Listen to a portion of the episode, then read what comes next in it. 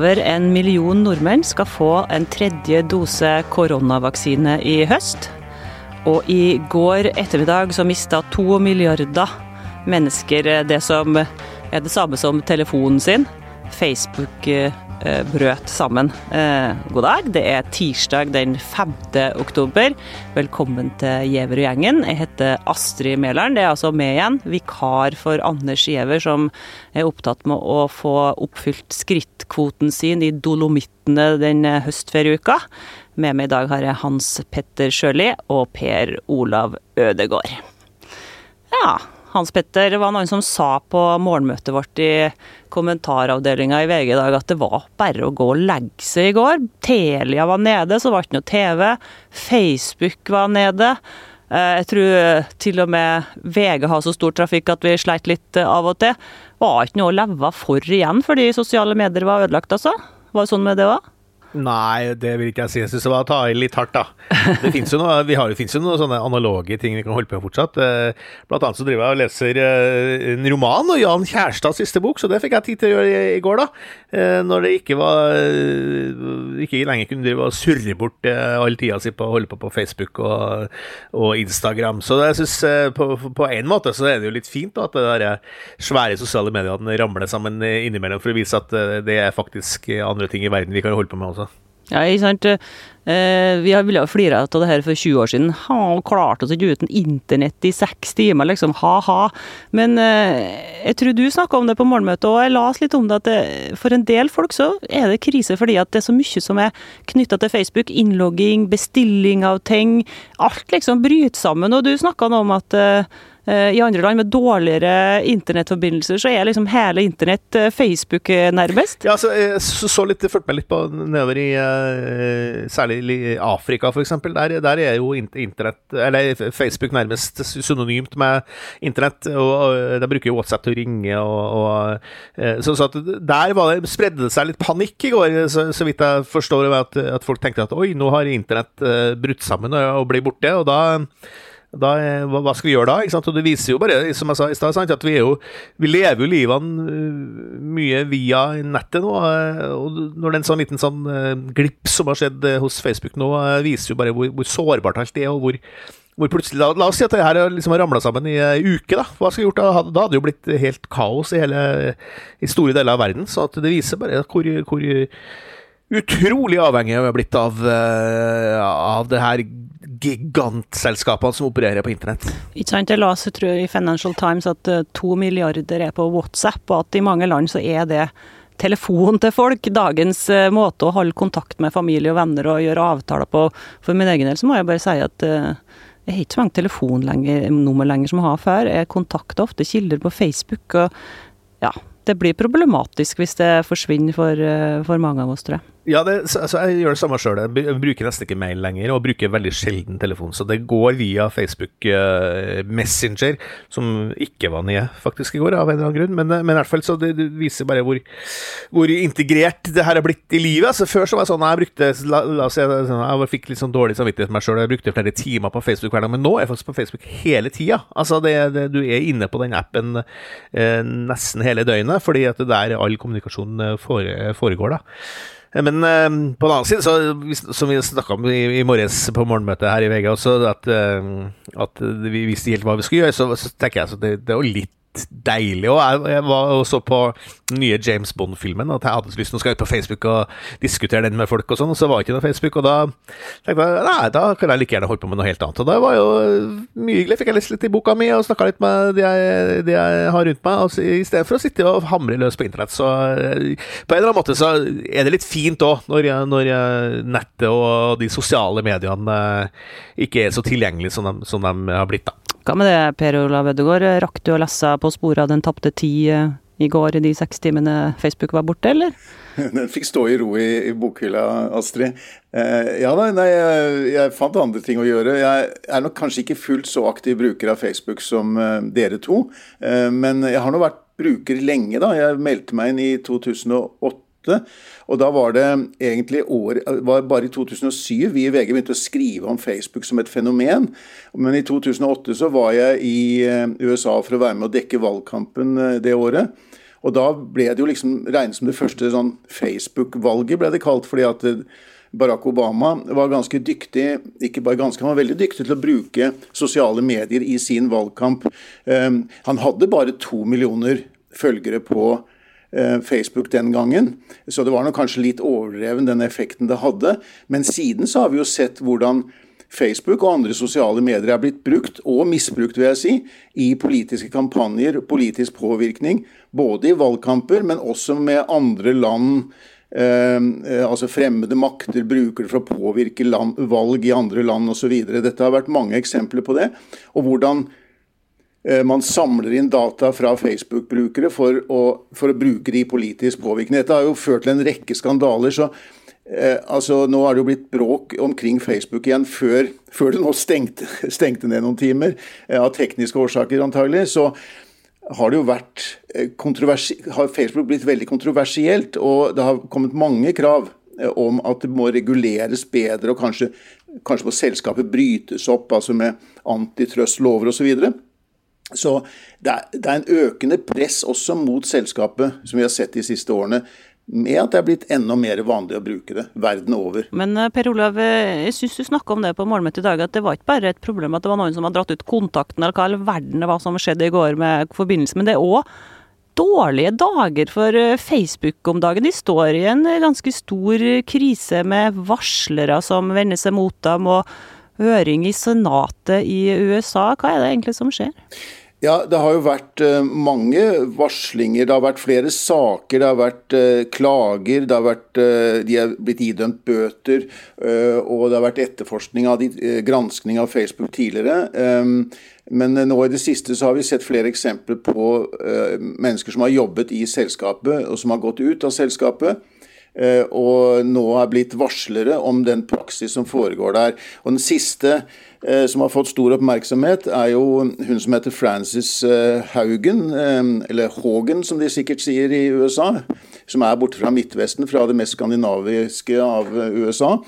En 37 år gammel IT-ekspert som jobbet i ja, to eller tre år i Facebook. Hun jobbet egentlig i den avdelingen av Facebook som skulle gjøre Facebook sikrere og bedre Eh, rustet da, til å stå imot mis, altså, uh, villedende uh, informasjon og ekstrem uh, propaganda og den type ting på nettet. Hun jobbet med å forhindre det. Og hun tok med seg noen tusen sider med dokumenter av interne um, rapporter og granskninger i Facebook, som hun da har delt med politikere og media i USA. Men for første gang så sto hun da frem Eh, med ansikt og navn eh, i intervjuer på, i amerikansk TV på, på, søndag. Og Det hun sier, er jo at eh, for å ta den korte versjonen av det, at Facebook velger profitt framfor trygghet. Og den versjonen av Facebook som eksisterer i dag, river samfunnet vårt i stykker og bidrar til Eh, å skape grobunn for etnisk vold og andre, andre typer voldsbruk over hele verden. Eh, Haugen, Haugen, selv sier jo at hun er ikke ute etter å ødelegge selskapet. Tvert om, hun vil redde selskapet, men på en måte redde det fra seg selv. Da. Altså At de skal, må forbedre seg. De må gjøre noe med hvordan de bruker eh, algoritmene sine. Eh, de kan innføre strengere regler og bruke algoritmene på en annen måte, som ikke bidrar til å så den polarisering og den eh, ekstreme eh, propaganda sånn som også finnes på Facebook, da, ifølge henne. Hun sier jo, si det, for hun sier jo det, hun der Haugen i det intervjuet med 60 Minutes, at, at uh, sosiale medier, altså Facebook, da, justerer sine algoritmer for å utløse reaksjoner. Da, og hat er mye lettere å utløse enn andre følelser. Så det er jo ganske skremmende. Det er litt sånn, sånn dystopi vi, vi, står overfor på et vis òg. Ja, ikke sant. Vi ser jo i Norge at det er noen som bruker all sin tid på Facebook for å samle likes, som kan, kanskje noen har sammenlignet med å få utløst sånn dopamin i hjernen, akkurat som å ta narkotika. Uh, mange mange sitter egentlig bare og skriver om, ikke om politikk, men eh, hetsa forslag som kommer. Og du Hans Petter, du har jo snakka tidligere om det her eh, når det gjelder polarisering og Trump og brexit og alt det her. Du har egentlig gitt sosiale medier nesten alle skylda for det, du? Ja, all skylda er jo ikke det, men, men det, det, det, er i hvert fall en sånn Som du sier, så utløser det en slags sånn Nesten en slags sånn narkotika, en sånn dopamin sånn som det utløst. Så det, det, blir bare Det baller på seg hele tida, da. ikke sant? Og, og, folk sitter i, i, forskjellige kanaler og blir forbanna og hisser seg opp og liker, men også eh, da bruker sosiale medier til å til å kjefte på andre. Det, det sies jo ofte mange som mener at liksom, når du sitter i en bil, så, så, så kjører du rundt i byen, så hvis det er noen som oppfører seg dårlig i trafikken, så sitter du inne i bilen og hytter med neven i ropa og sånn, men, eh, men, da sitter du for deg sjøl, og ingen andre hører deg. Men på Facebook så, så hører du deg, så er du ute og, og sprer sånn type aggresjon eh, hele tida, da. Eh, sånn at eh, jeg tror nok at, eh, at, sosiale medier uh, har bidratt til mer sånn At det blir mer aggresjon, mer sånn uh, harde følelser, harde fronter. Det blir ikke, det er ikke plass for kompromisset, på en måte. Det, du, du, du, blir, enten så er du sånn, eller så er du sånn, og så blir vi forskjellige leirer, og så står du og roper til hverandre og sånn. Og det er en veldig en, en fare med, med, sosiale medier, særlig nå i Det er jo tross alt når det holdt på i 12-13 år, da, eksisterte her. Og da vi vil nok se at de som er yngre enn oss, den unge generasjonen, bruker det på en annen måte enn det vi gjør, da. Så at jeg er litt optimistisk på det, at det, det her vil kanskje bli bedre med tida. Men, men for oss første, førstegenerasjonsbrukere av det her, så, så, tror jeg nok at det har ført til at en del folk har fått utløp for en del uh, skal vi si, polariserende sider ved sin egen personlighet, da, som, som, har bidratt til å forsterke en del politiske trender også i, i, vår tid. Jeg tenker at det er gått ganske langt bort fra det som på en måte var den, den sånn ide, idealistiske ideen med Facebook i starten, i hvert fall sånn som de presenterte det selv, hvor de skulle gi mennesker makt til å bygge samfunn og til at man skulle gjøre verden mindre. Og eh, eh, Mark Zuckerberg, som jo er sjef for eh, Facebook, har jo selv gått ut for ja, nå er det et par år siden, og beklaget at den, den visjonen sto altså Isteden så ble det, det ble helt annerledes enn han da hadde tenkt. Og da lovet de jo da å skjerpe seg og gjøre noe med dette. fordi det, de så at det heller bidro til økt polarisering i samfunnet. Nå virker det ikke som de er helt uh, på den linjen lenger med at de unnskylder og beklager og lover bot og bedring. Nå er de mye tøffere i å forsvare seg. De mener at de stort sett står for gode verdier og at de gjør mye bra.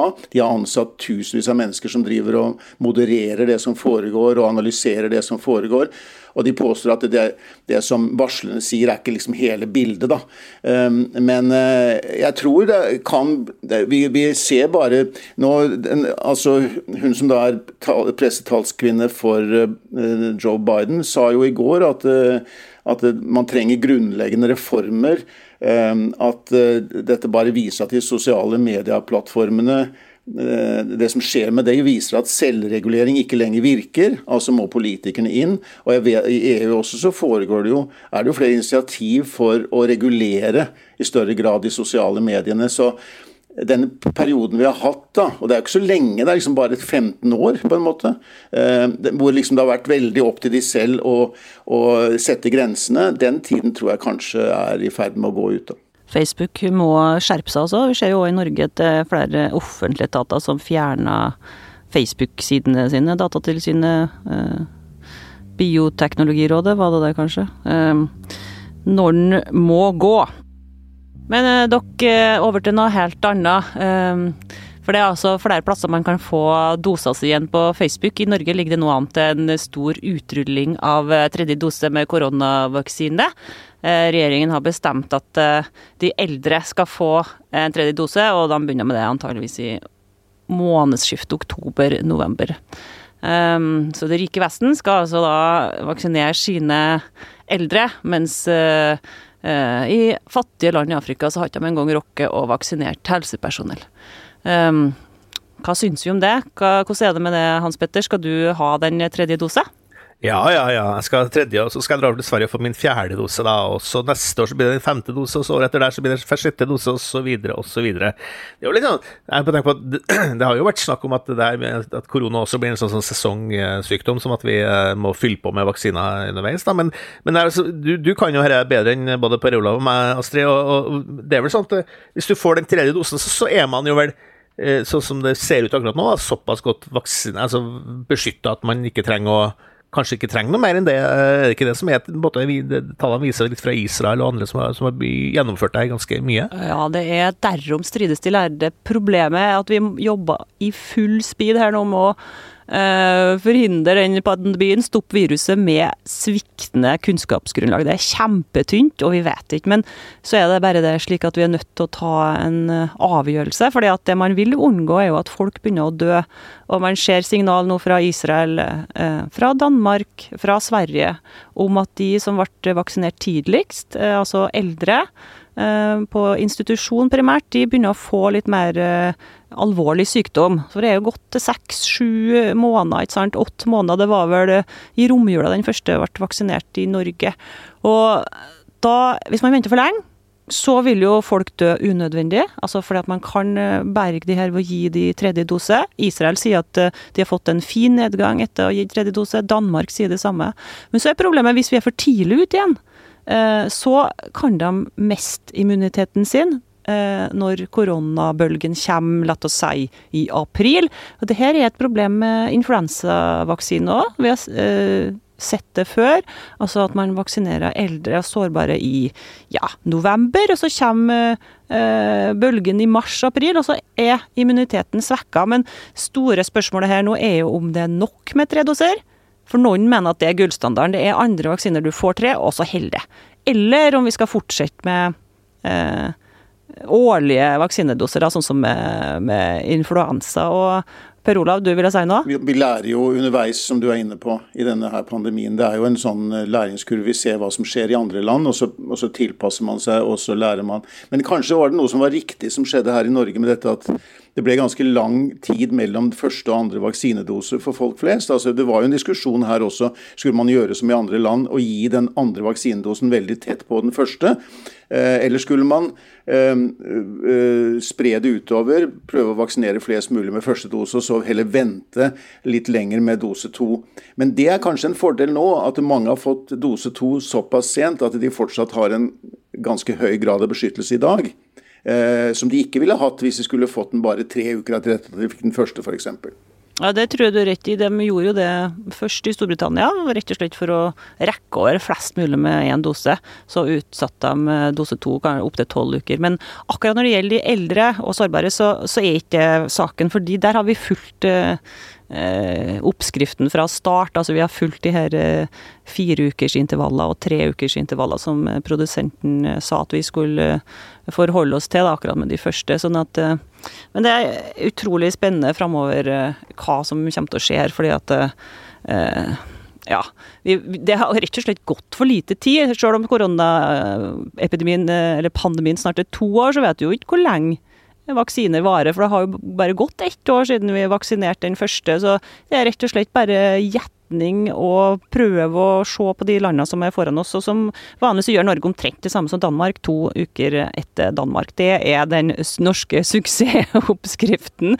Eh, men altså, det er jo, det er jo mye å påpeke her. Jeg vet ikke, Per Olav, om du har noe Um, altså det er jo rike vesener som driver og gir dose tre til sin befolkning for å unngå at en god del bare får uh, mild sykdom, fordi vaksinene virker antageligvis kjempegodt for å forhindre alvorlig sykdom og død på de fleste fortsatt. Og er det altså slik at i fattige land, Afrika, Eh, så er helsepersonell ikke vaksinert ennå. Nei, det er, jo, det er, jo, en stor jobb å gjøre fortsatt. Vi kommer til å holde på med dette i, i, i lang tid fremover. Nå, jo, nå blir det jo eh, Det er en del vaksiner som, ikke, som vi bruker her, som er vanskelig å bruke i, i mange afrikanske land pga. Eh, behovet for at de skal oppbevares på en bestemt måte og brukes raskt osv. Det er jo visse typer vaksiner som er mer aktuelle å bruke der enn, en her hos oss. Men eh, gradvis så går det jo også opp der, men det siste jeg så var at det var bare 4,4 vel i Afrika som var blitt fullvaksinert. Og det vil alltid være den risikoen for at nye mutanter kan oppstå, og det kan også bli store bølger med mange syke og døde i, i andre deler av verden. Så dette er noe som det er virkelig en eh, sak som ikke kan eh, handle om bare hva som skjer i et enkelt land.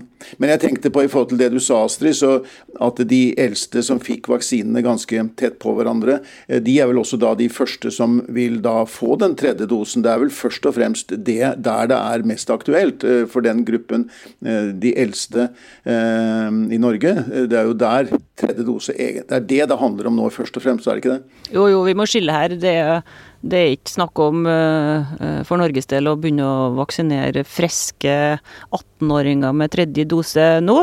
Eh, men EMA, altså det europeiske smittevernbyrået, har altså, godkjent tredje dose nå da, fra folk som er 18 år oppover. Men det kan jo handle om at det er noen som er syke, som trenger tredje dose blant de som er unge, selvfølgelig. Så det er ikke bare bare. Men altså tilbake til det her med den globale, rettferdige fordelinga. Hans Petter, det er jo en gang slik da, at eh, Norge må jo ta seg av norske sykehjemsplasser. og eh, det er liksom nasjonalstaten som er organisasjonsenheten vi forholder oss til. Og Israel sa jo det at eh, de forhindrer en sykehuskollaps ved å gi tredje dose. Så ja, hvordan skal vi balansere Afrika mot uh, rike nordmenn her? Nei, det er veldig komplisert, det her. Altså det, jeg syns det blir litt sånn lett at, at, enkelte gjør det litt enkelt for seg da, når de, de, bare går ut og sier at nei, nå må vi liksom slutte med det rike Vesten, og vi må dele og sånn. Så for, for, at vi er jo, som du sier, vi er jo kan, hvis, hvis gamle folk begynner å dø av korona i Norge igjen, så, så kan ikke vi bare overså det. Da må vi jo, Så lenge vi har tilgang på det her, så må vi jo selvfølgelig bruke det. Det er jo, det er jo Politikerne har jo, står til ansvar overfor sine velgere og sine, eget, eh, sin egen eh, stat og nasjon. Da. Så, så, så det, sånn må det jo bare være. Men det er klart det er jo et kjempe, kjempeproblem. Korona vil jo det jeg tenkte på når vi med dere to ansatte snakka det, så er jo at det, det, her er jo ikke over på noe som helst vis. altså Det vil bare være med oss lenge, da, og da må vi jo uh, hele tida gå opp nye stier, ta nye lærdommer og se hvordan dette utvikler seg. Og vi må også forstå, da, og det har vært min kjepphest hele veien underveis her i, i diskusjonen om, om viruset, er jo at ja, regjeringa står til ansvar for, sitt eget folk, da, men, men, men, korona er per definisjon en global begivenhet, en global hendelse. sånn at det er i hvert fall ikke over på noe som helst vis før ja, eh, alle har eh, oppnådd immunitet via vaksine, eller hva det skal være, i hele verden. Så det nytter ikke å bare stenge grensene og tenke at nå skal vi ordne opp i det her for vår del. Her er vi faktisk i alle i samme båt, og, og derfor så, så, må da vaksiner også komme ut til verdens fattige og fattige land. Så, så det er sånn vi kommer til å holde på med korona i mange år framover. Det er det er det dystre budskapet nå. Ikke sant. Og vi kan jo takke EU for at eh, det gikk så bra med den eh, vaksineringskampanjen til slutt, eh, når vi sitter her nå. Kan du si det at det, alt det der, det var en krangelen ut i vaksinene i Norge, og vi får for, lite, for lite og for seint, og det var dumt med EU, vi skal ha Sputnik-vaksine fra Russland. Sånn, den, den diskusjonen forstumma helt. Det var bra at vi delte, at vi, vi kobla oss på det, det, vaksineprogrammet til EU og resten av Europa. Og, og, nå er det jo ikke noe problem med tilgang på vaksiner i hele tatt i, Norge, så, så, den diskusjonen tror jeg er over. Vi skal avslutte herifra i dag. Vi skal si takk til mannen som gir oss dose etter dose med godsaker. Det er produsent Magne Antonsen. Takk til Per Olav Ødegård, Hans Petter Sjøli. Jeg heter for Astrid Mæland. God kveld. Du har hørt en podkast fra VG.